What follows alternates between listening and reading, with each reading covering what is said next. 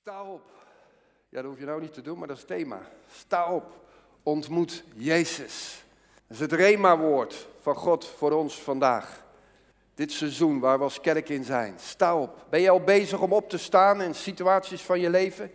Ben je al bezig om de Bijbel na te speuren van Heer, wat zegt u over mijn situatie of over, over mijn lichaam of over mijn ziel of over mijn werk? Ben je al ijverig aan het zoeken van Heer, wat zegt uw woord? En dat je daarin gaat staan. Dat je zegt, Heer, dit is uw woord, dat is waarheid. Daar ga ik in staan. En dat doe je niet los van een ontmoeting met Jezus, dat doe je in een ontmoeting met Jezus. Want het woord van God werkt in relatie met Jezus Christus. Dat is het prachtige van het evangelie. En dat we niet geroepen zijn voor religie, maar dat we geroepen zijn voor relatie. En vaak kennen we die woorden wel, maar geven we die helemaal geen handen en voeten in ons eigen leven meer. En laten we dat eigenlijk bij dat moment van toen, tot we tot Jezus kwamen. Maar Paulus kreeg te horen bij die ene ontmoeting in Damascus, toen hij viel van zijn paard, toen hij in het stof moest bijten, toen kreeg hij te horen, hey, je hebt nu een ontmoeting gehad met mij, maar je zal nog vele ontmoetingen met mij krijgen. Want dat is jouw en mijn bestemming. Dat we in relatie zijn met Jezus en vanuit Jezus het hart van de Vader gaan ontmoeten. Laat dat niet roven in je leven, ontmoetingen met Jezus. Laat relatie niet alsnog religie worden. En vandaag wil ik jullie meenemen naar een tekst in Galaten 5, vers 1. Opdat wij waarlijk vrij zouden zijn, heeft Christus ons vrijgemaakt. Houd dus stand en laat u niet weder een slavenjuk opleggen. Het idee van God is dat we waarlijk vrij zouden zijn. Omdat Christus ons vrij heeft gemaakt. Niet de vrijheid die de wereld jou geeft, maar de vrijheid die Christus jou heeft gegeven. En toch moeten de gemeenten in Galatië horen van, ja maar jullie dreigen nu weer opnieuw onder een slavenjuk te komen. En moeten ze stand houden. En ik ga dat zo dieper bekijken met jullie. Dat stand houden, dat strijdbaar zijn, dat ergens in staan. En we zijn allemaal in de tijd waarin we leven wakker geschud, toch? Ineens is het oorlog. En voelt het voor ons heel erg dichtbij. En is het heel dichtbij gekomen. De gasten die we nu in ons midden hebben, die uit Oekraïne zijn gevlucht, geef ze een warm welkom. Elia die zit hier al.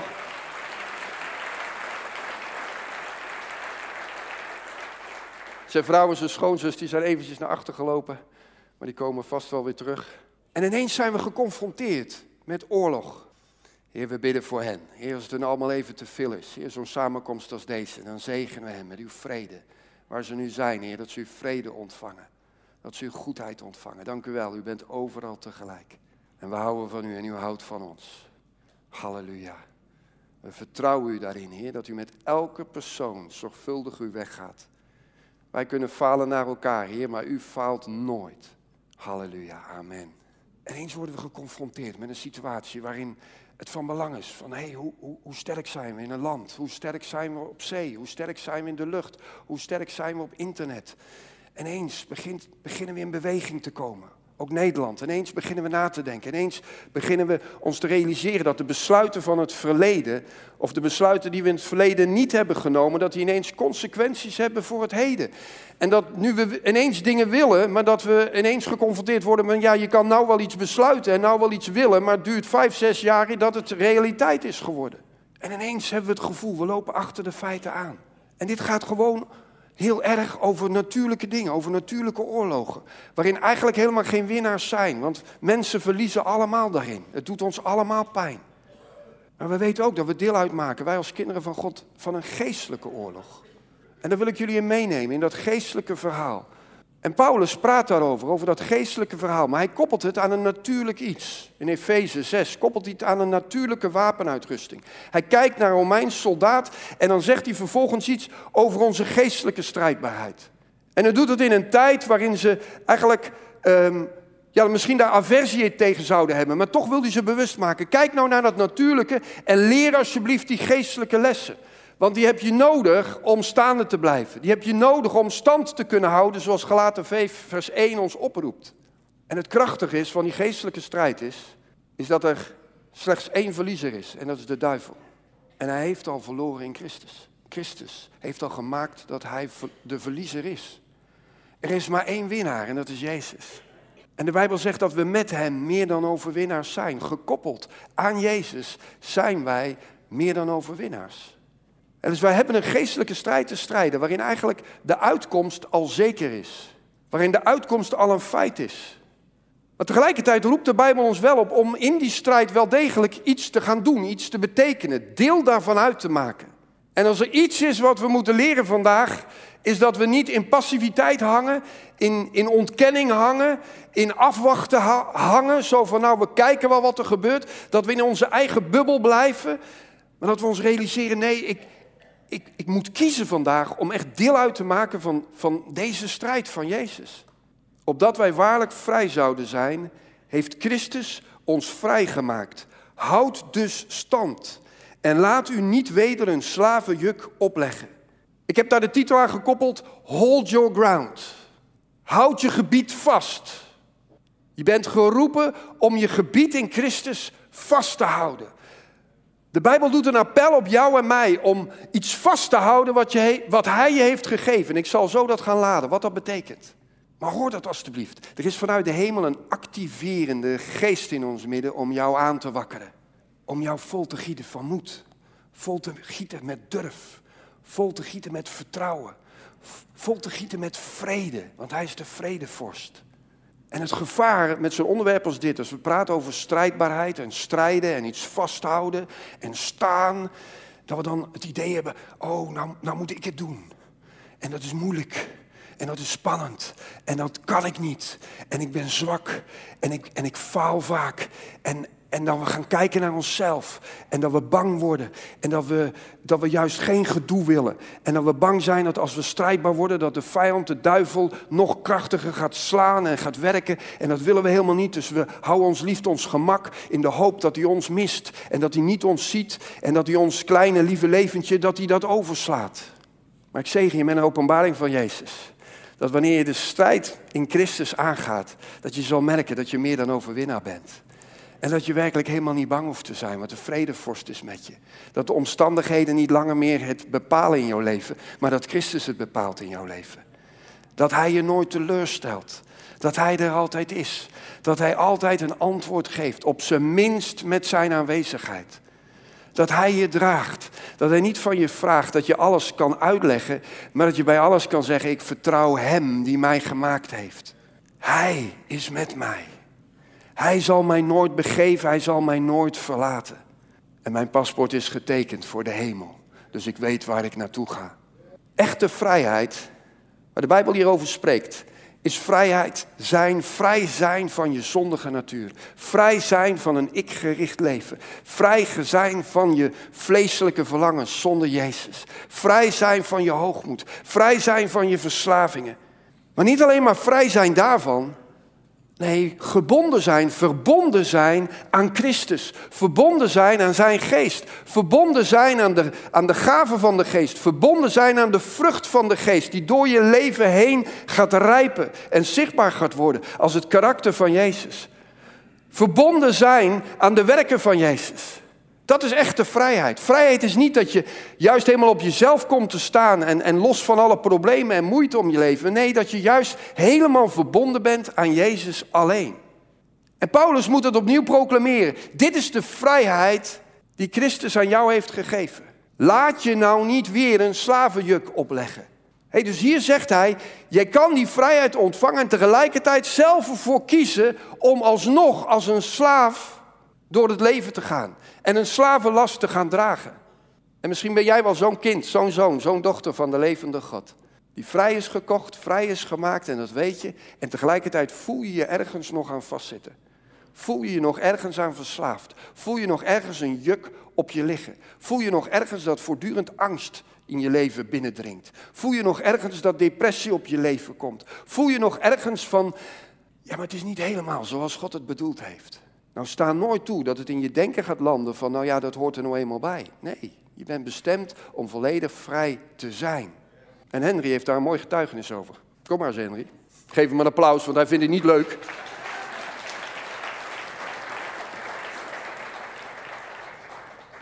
Maar hij weet dat hij doet voor Jezus, dus daarom durft hij. Geef hem nog eens een applaus. En nou staat er toch even iets anders, hè?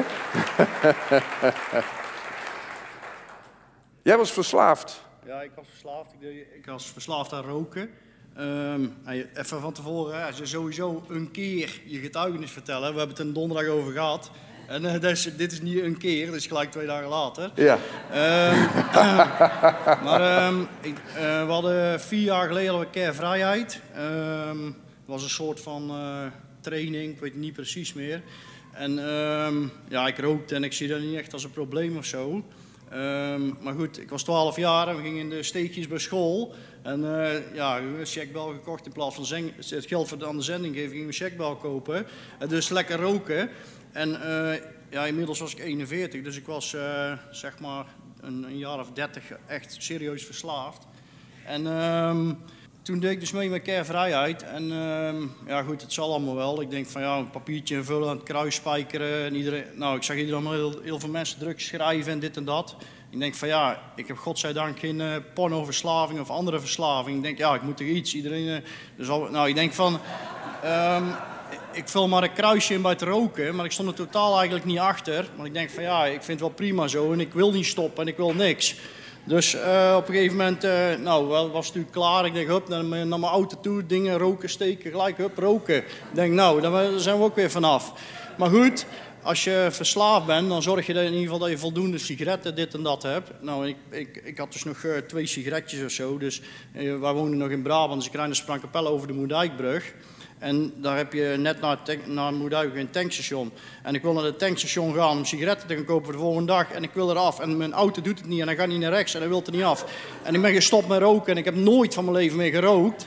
En ook, um, het was klaar. De Heilige Geest zorgde ervoor dat ik niet naar rechts kon gaan. En dat ik niet af kon. Um, en ja, dat, dat was het eigenlijk. Ik was gewoon klaar met roken.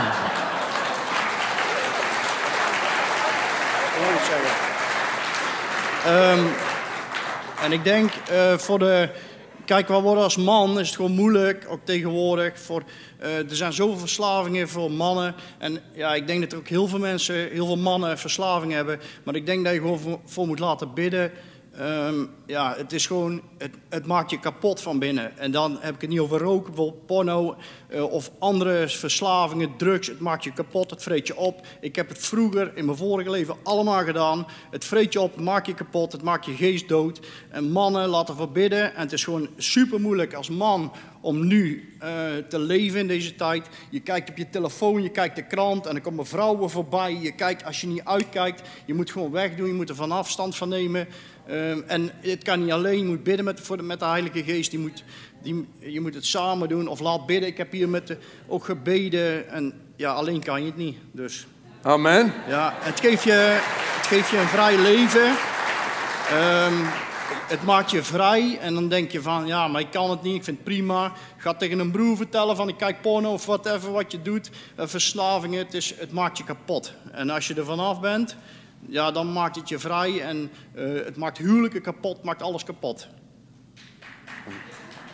Dus dat was het. Dat was het. Dank u wel, Jezus, dat u hier doorheen iets krachtigs wil zeggen, Heer. Dank u wel, Jezus. Heer, dat Henry gewoon iets opschreef en het aan het kruis nagelde. En alleen de beweging naar het kruis zet iets vrij over zijn leven. En dat willen we onderstrepen vandaag. Het alleen maar komen naar u toe. Net zoals die misdadiger daarnaast u hing en zei, mag ik bij u in het paradijs zijn? En u zei ja. Dank u wel, Heer, dat zo'n eenvoudig gebaar als iets brengen bij u. Zelfs als daar eigenlijk geen geloof, zelf is daar eigenlijk geen, ik wil het eigenlijk niet eens. Maar u grijpt in. Omdat u recht doet aan het kruis. Alles wat bij het kruis wordt gebracht, keert u om. En we willen die les leren vandaag, Heer. Het is geen eigen strijd. Het is geen eigen vechten of knokken. Het is niet onze wil die dingen verandert. Het is uw wil aan dat kruis wat maakt dat dingen veranderen in ons leven. Daarom willen we knielen en buigen voor dat kruis en zeggen, Heer Jezus, wauw, wat bent u goed en genadig en liefdevol. Leer mij te ontvangen vanuit wat u heeft volbracht daar. En ik zegen dat over jou. Als jij hier zit en je hoort dit en is een onwerkelijk getuigenis omdat je al zo lang struggelt, al zo lang bezig bent. Hoor die omwisseling bij dat kruis. En ontvang het nu in je geest, in de naam van Jezus. Amen. En mensen die roken zijn nog steeds geliefde kinderen van God. Amen. Ja, ja, ja, ja, ja, ja. Nou, jullie snappen wel dat ik dat niet eh, maanden kon laten wachten, hè, dat getuigenis, als je dat donderdag hoort. Hold your ground. Blijf staan in de vrijheid die Christus jou heeft gegeven. En kies er dus voor om dat ook vast te houden, om dat te geloven, om dat in bezit te houden, om te zeggen: dit is van mij. Die vrijheid hoort bij mij. En dat spreekt over je identiteit die je hebt gekregen. Door die omwisseling aan het kruis ben je zoon geworden, ben je dochter geworden. En dat heb je elke zondag, hoor je dat wel, vanaf dit platform. Maar het idee is, is dat je die identiteit, dat je die vasthoudt. Hey, ik ben u gemaakt om als Christus te leven. Ik ben u gemaakt om dat vast te houden, om dat niet te laten roven door allerlei dingen die plaatsvinden in mijn leven. Maar te zeggen, inderdaad, ik ben een geliefd kind van God. Dat was een goede opmerking die je aan het eind maakte. Want zelfs al ben je verslaafd, nog steeds ben je een geliefde van God. Als je hart aan Jezus hebt gegeven, ben je een geliefde kind van God. Als je hart nog niet aan Jezus hebt gegeven, ben je een geliefde zoon zondaar. Hij blijft van je houden, maar hij heeft iets beters voor ogen. Hij wil dat je vrij bent. Hij wil dat je net zo vrij bent zoals Christus vrij is. Jezus was niet gebonden aan dat kruis, want hij hing daar vrijwillig. Alles wat gebeurde bij, met Jezus, alle striemen die hij ontving, alle slagen, de doornenkroon, alle bespuwingen en bespottingen die hij onderging, de eenzaamheid, hij deed dat allemaal vrijwillig. Elk moment had hij van dat kruis af kunnen gaan. Maar hij, hij stond in zijn identiteit. Ik ben een zoon van God en ik ben gekomen opdat zij leven in overvloed hebben.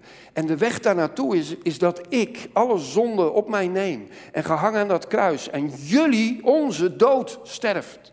En hij deed dat vrijwillig. En hij ging door de dood heen en hij stond op uit de dood om werkelijk dat nieuwe leven aan ons te geven. En dan is het zaak om, om de woorden van Paulus dus ook echt je te realiseren van, ja maar dan, dan is het een schande naar Christus als ik het weer laat roven. Dat is een schande aan Christus als ik weer een slavenjuk op laat leggen. Dat ik de leugens van de tegenstander geloof. Dat ik denk dat ik niet geboren ben om vrij te zijn op dit gebied. Dat ik door het leven moet gaan al verslavende, al vloekende en tierende. Al in, in de depressie, in het negatieve. Nee, je bent vrijgemaakt. Weet jij wie je bent in Christus? Is dat meer als een uitspraak die je doet in de kerk? Is dat een uitspraak die je uitleeft op de plek waar je bent? Stap jij zo in de wereld om je heen? Hé, hey, hier komt een zoon, een dochter van God. Stap je zo in de supermarkt? Stap je zo op je werk? Hé, hey, ik ben een zoon en een dochter. Ik stap in deze moeilijke situatie. Ik stap in deze situatie van hopeloosheid met de hoop van Christus die met mij is. Toen Johannes de Doper de vraag kreeg in Johannes 1, vers 23, kan je dat lezen. Wie ben jij? Toen kon hij zeggen wie hij was. Hij was vrijmoedig. Hij kon zeggen, ik ben een stem die roept in de woestijn. Ik ben de wegbereider van de Heer die na mij komt. Hij kon dat zeggen. Jezus kon dat ook zeggen wie die was. Ik ben de zoon van God. Hij kon dat zeggen. De discipelen konden nadat ze vervuld waren met de Heilige Geest, konden ze zeggen, hey, wij zijn discipelen van Jezus. Paulus begint regelmatig zijn brief met, ik ben een apostel. En dat doet hij niet om zich op de schouders te slaan, maar hij weet wie die is. En als er toestand is in de gemeente in Korinthe, dan kan hij zich verdedigen op wie hij is voor die gemeente. Want hij realiseert zich, ik ben een vader voor dit huis. En ze kunnen me wel proberen om het moeilijk te maken, maar ik weet wie ik ben. En het is cruciaal dat wij in de tijd waarin we nu zijn, dat we allemaal, zoals we hier zitten, weten, en zoals jij ook thuis meekijkt, weten wie we echt zijn. En dan van daaruit leven, van daaruit spreken, van daaruit aanbidden, van daaruit bidden, van daaruit het woord ook lezen. En dat je realiseert, stand houden, vasthouden, is een gebied, is iets wat meer is dan alleen jouzelf. Een leraar is niet een leraar op zichzelf. Een leraar is pas een leraar als hij een klas heeft met kinderen. Dus bij het begrip leraar horen kinderen. Bij het begrip koning hoort een koninkrijk. Zo hoort bij het begrip zoon een dochter en ambassadeur van Jezus Christus. Koningskinderen, prinsen, prinsessen, welke naam je jezelf ook geeft in Christus. Hè, die gewoon bijbels is. Daar hoort iets bij. Er hoort een gebied bij. Er hoort een verantwoordelijkheid bij. Er hoort iets bij wat mag gaan groeien. Als je vader bent, als je moeder bent dan hoort daar iets bij, namelijk een gezin. Als je geestelijke vader en geestelijke moeder bent, wat hoort daarbij? Geestelijke kinderen. En dat betekent dat je ineens verantwoording hebt gekregen. En de Heilige Geest wil je vandaag wakker maken. Pak die verantwoordelijkheid. En laat die verantwoordelijkheid ook groeien. Maak dat het gebied groter wordt. Maak dat het zich vermenigvuldigt. En of je nou 70 jaar bent, of 80 jaar bent, of 90 jaar bent, blijf je bewust, hé, hey, het gebied moet ik op zijn minst vasthouden. Maar er is in God altijd een verwachting dat het groter wordt, dat het groeit. Want daar waar onze gebieden niet groter worden, blijft het gebied nog in de handen van de tegenstander. En zijn wij dus degene die maakt dat de tegenstander nog zoveel gebied heeft? Oei, horen we die? Wordt dat nu ineens weer een last? Wordt dat nu ineens weer, oh jee, nou, nou kan ik niet meer slapen vannacht?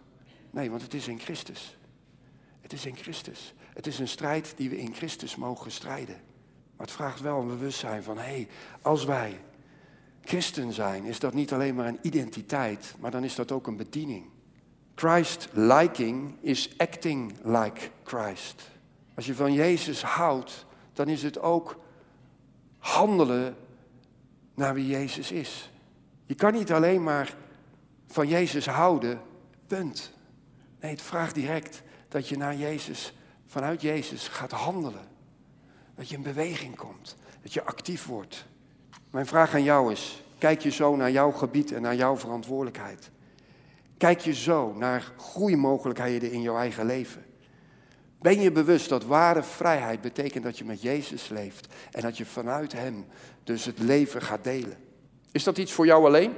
Is het hold your ground? Is dat iets voor jou alleen, waarin je alleen staat?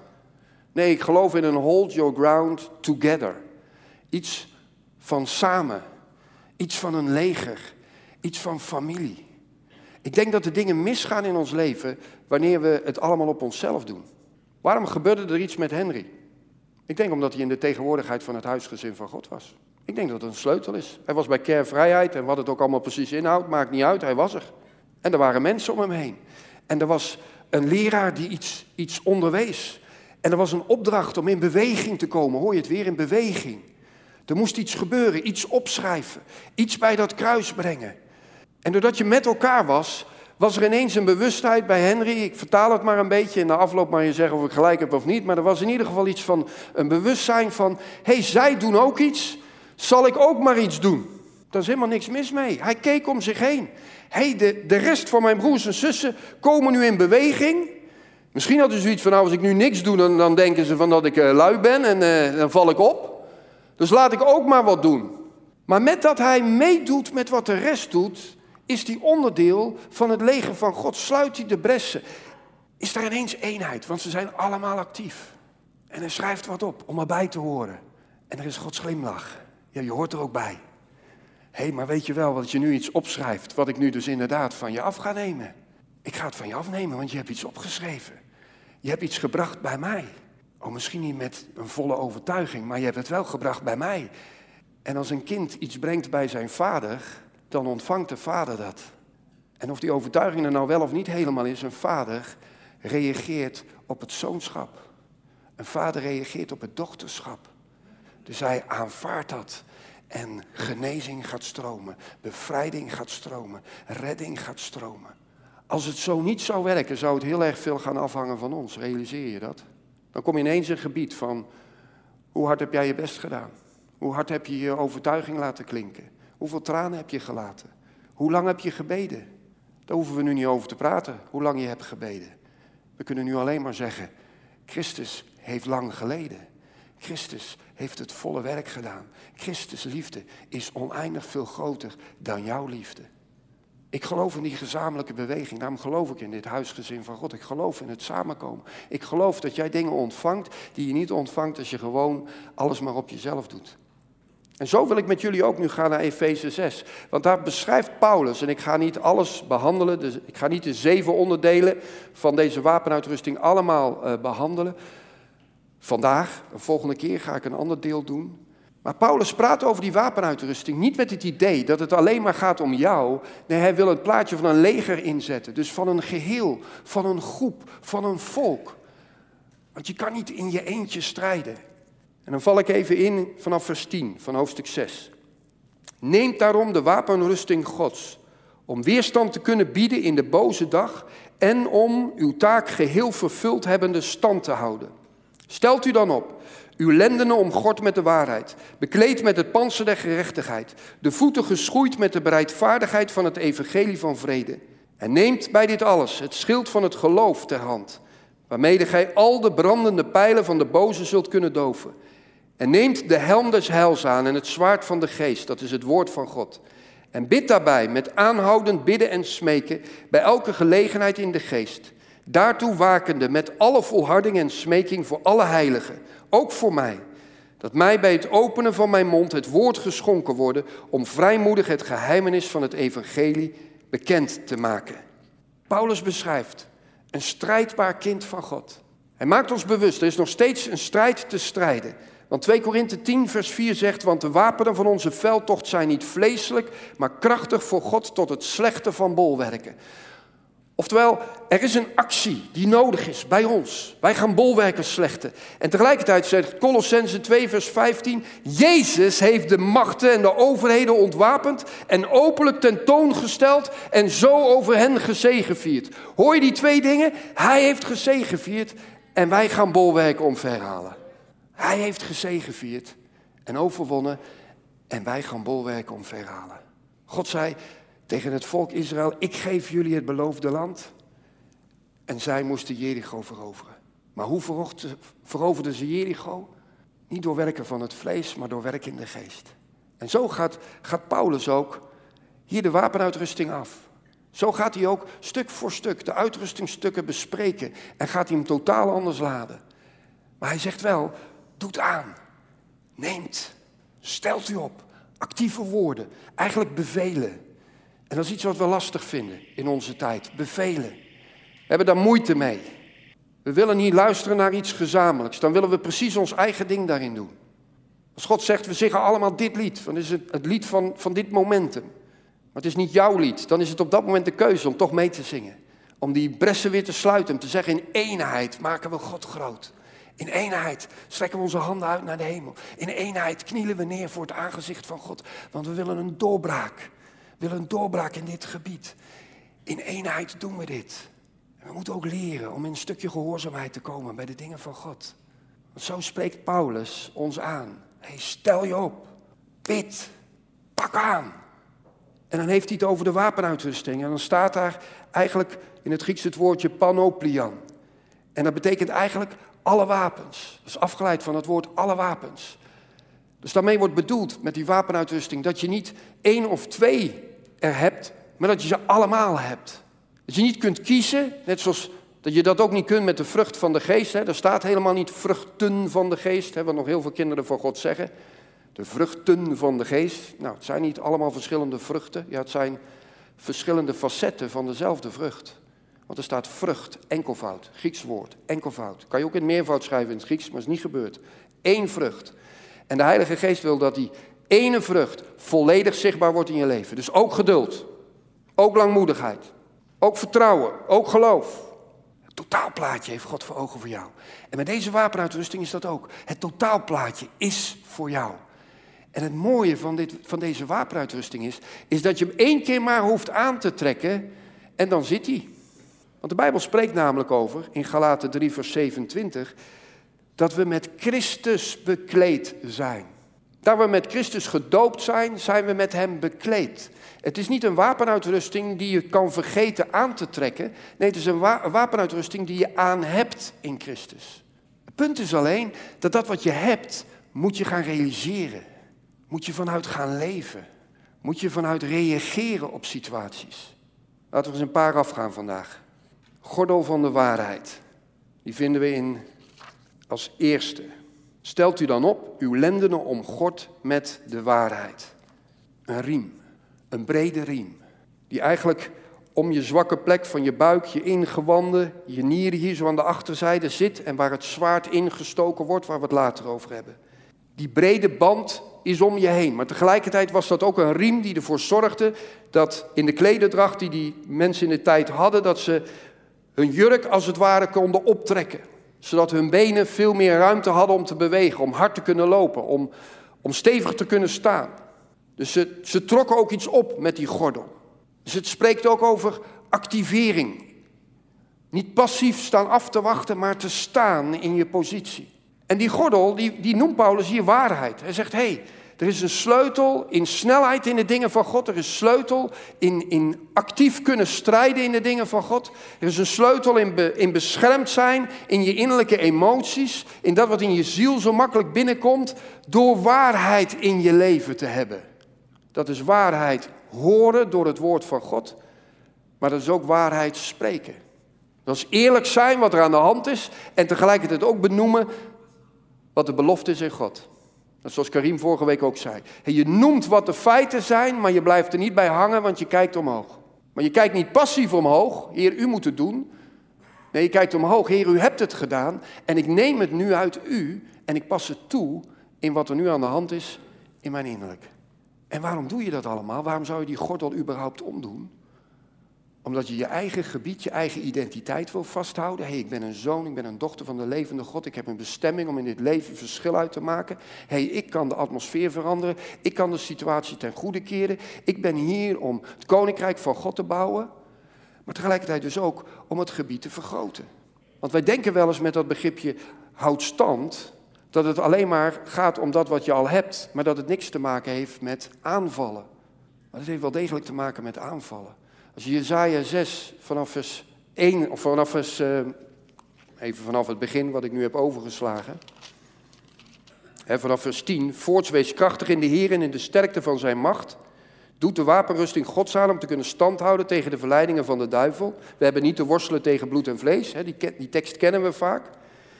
Dan gaat dat worstelen, dat standhouden, gaat niet over een passief afwachten totdat de vijand jou aanvalt.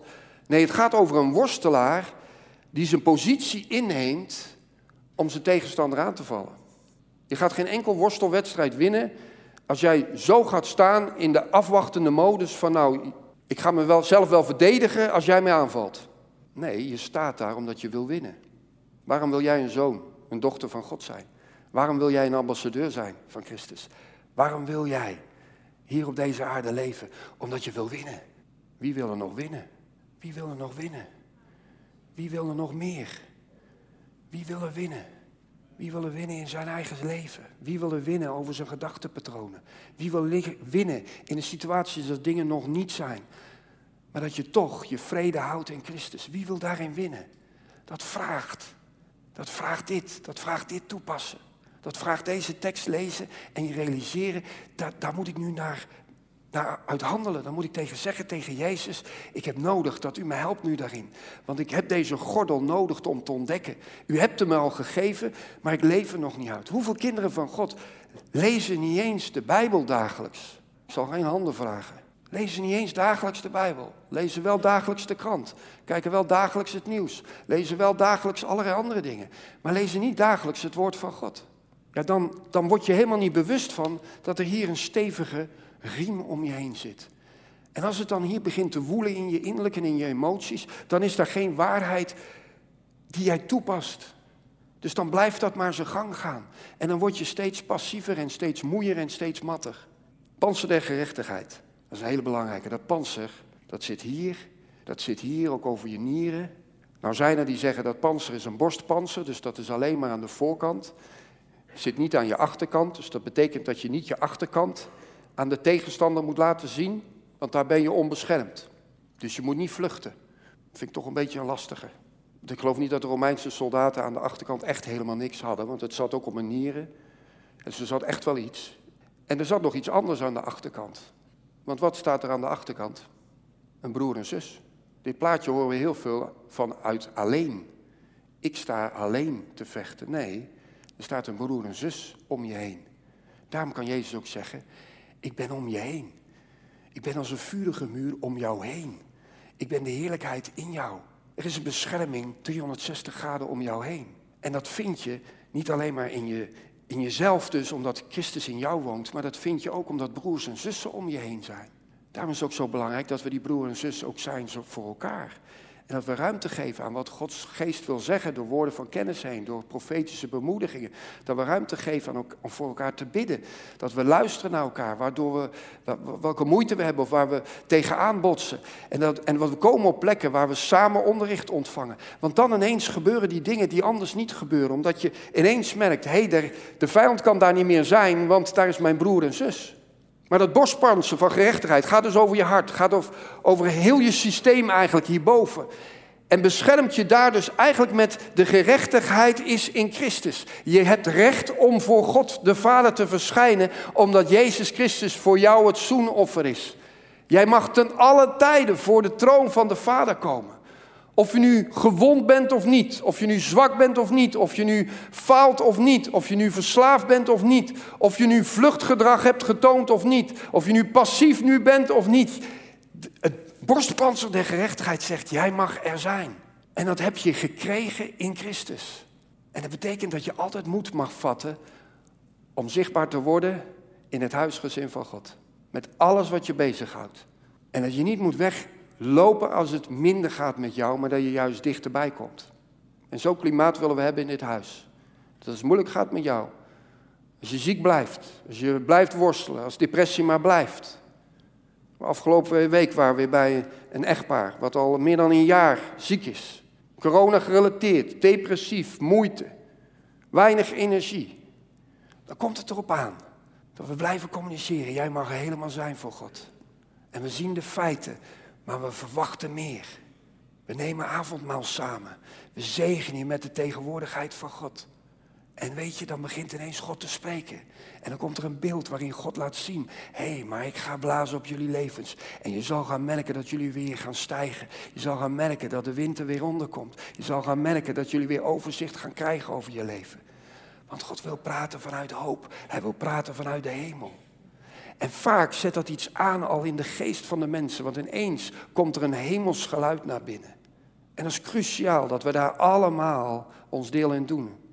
En dat we die gezamenlijkheid dus ook zoeken met elkaar. Dat we niet zeggen tegen die ander, je moet meer geloof hebben, of je moet meer dit, of je moet meer dat. Maar dat je tegen die ander zegt, hé, hey, ik zal dichterbij komen. Ik ga jouw rug dekken. Ik ga voor jou op de bres staan. Ik zal voor jou bidden. Ik zal het aangezicht van God gaan zoeken, van wat Hij tegen jou wil zeggen. En weet je, het mooie is dat we dat allemaal kunnen doen. In welke situatie ook we zijn. Want je put niet uit je eigen leven, je put uit het hemelse leven. En daar gaat het bij Paulus over. Dit is een hemels leger. Dit is een leger wat niet strijdt vanuit vlees, wat niet strijdt tegen bloed en vlees, niet mensen kapot wil maken, maar mensen juist heel wil maken. Mensen juist in hun bestemming wil brengen. En hij wil dan duidelijk maken, hé, hey, daar hoort een wapenuitrusting bij, die vanuit de hemel is, die heel anders werkt. Maar zorg dan dat je hem kent, zodat je vanuit die werkelijkheid ook gaat leven. En dan zit het ineens gegoten. Dan ineens kan je ontspannen. Dan ineens kan je ook in de tijd waarin we leven toch in de vrede zijn. Daarom ook dat woord aan het einde van de aanbidding. Jezus is de vredevorst. En hij wil vrede brengen in jou. Hold your ground. Hou vast aan wat je hebt gegeven. Wat God je heeft gegeven. Houd vast. Houd vast dat gebied. En zorg dat dat gebied groter wordt. En leer die wapenuitrusting te kennen in zijn details. Lees het nog eens na in Efeze 6. Eigent je toe. Vraag eens aan de Heilige Geest. Heilige Geest, welk aspect van deze wapenuitrusting negeer ik eigenlijk in mijn leven? En help mij om daarin mijn denken te veranderen. En dan zullen we een volgende keer dieper erop ingaan. Ik wil vragen wat worship team wil komen. En ik wil een moment de Heilige Geest ook opnieuw ruimte geven. Om te gaan werken in jouw hart en in jouw leven. Dank je Jezus. Dank je Jezus. Voordat ik ga bidden, weet je, Salomo was een man die de gave van de wijsheid had ontvangen. En omdat hij die gave had ontvangen en daar naar vroeg ook, zei God, ik geef je nu alles ook waar je niet om hebt gevraagd. En toch is het met Salomo eigenlijk best wel uh, stom afgelopen. Uiteindelijk na hem is het rijk verdeeld geraakt en is hij allerlei afgoden gaan aanbidden. En weet je waardoor dat kwam? Hij had de gave van wijsheid, en die kon hij inzetten in heel veel situaties voor anderen. Maar dat je die gave hebt voor anderen betekent niet dat je automatisch wijs bent in je eigen leven. Daar heb je anderen weer voor nodig om die gave weer in jouw leven te brengen. Je hebt het nodig dat anderen dichtbij staan en kunnen inspreken in jouw leven. Je hebt nodig dat je zelf dat woord van God leest. En dat je gewoon gaat doen wat er staat. En het Oude Testament had gewoon in de wetgeving, hè, waar Salomo onder viel in die tijd, had er gewoon een heel simpel zinnetje gezegd. Als je koning bent, dan moet je niet veel vrouwen nemen. Nou, hij is vast gaan redeneren, wat is niet veel? Want hij had er duizend. Maar de Bijbel beschrijft heel duidelijk, omdat hij zoveel verbonden aanging met allemaal vrouwen die andere goden aanbaden, haalde hij al die afgoden naar binnen. Met als gevolg dat heel dat rijk verscheurd raakte. Hij luisterde niet eenvoudig naar dat zinnetje wat er staat in de Bijbel. Heel eenvoudig, niet veel. Maar hij deed het toch. Hij liet blijkbaar niemand toe, zoals David Nathan had, die uiteindelijk hem op zijn kop kon geven en hij daarvoor berouw toonde en zich bekeerde. Er blijkbaar niemand die hem op de vingers kon tikken. En daardoor ontstond dit allemaal met grote gevolgen. Daarom is het zo belangrijk dat we geloven in teams, dat we geloven in elkaar, dat we geloven in bescherming door elkaar heen.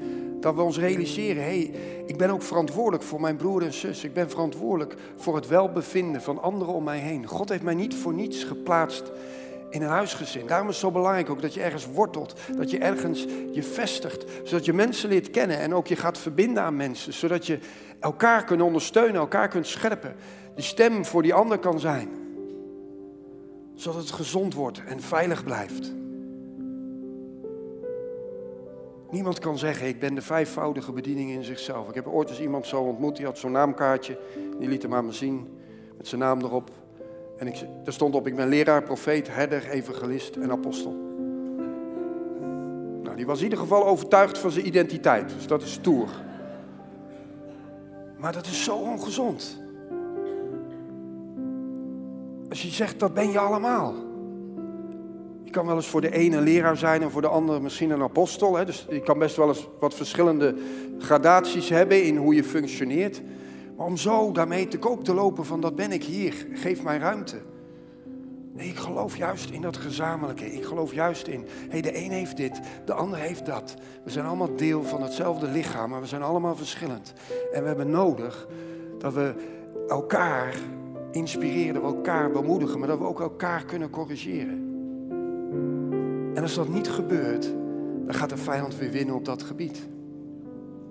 En als ik één ding niet wil, is dat de vijand gaat winnen in de kerk van Jezus Christus. Het is meer dan de hoogste tijd dat duisternis wijkt uit de kerk. Het is meer dan de hoogste tijd dat demonen op de vlucht gaan. Het is meer dan de tijd dat verslavingen gebroken worden. Het is genoeg geweest. Maar wil jij dat ook zeggen vandaag? Het is genoeg geweest. Ik heb genoeg tijd verspild met waar ik me zo lang mee bezig houd. Ik wil me gaan richten op de dingen van.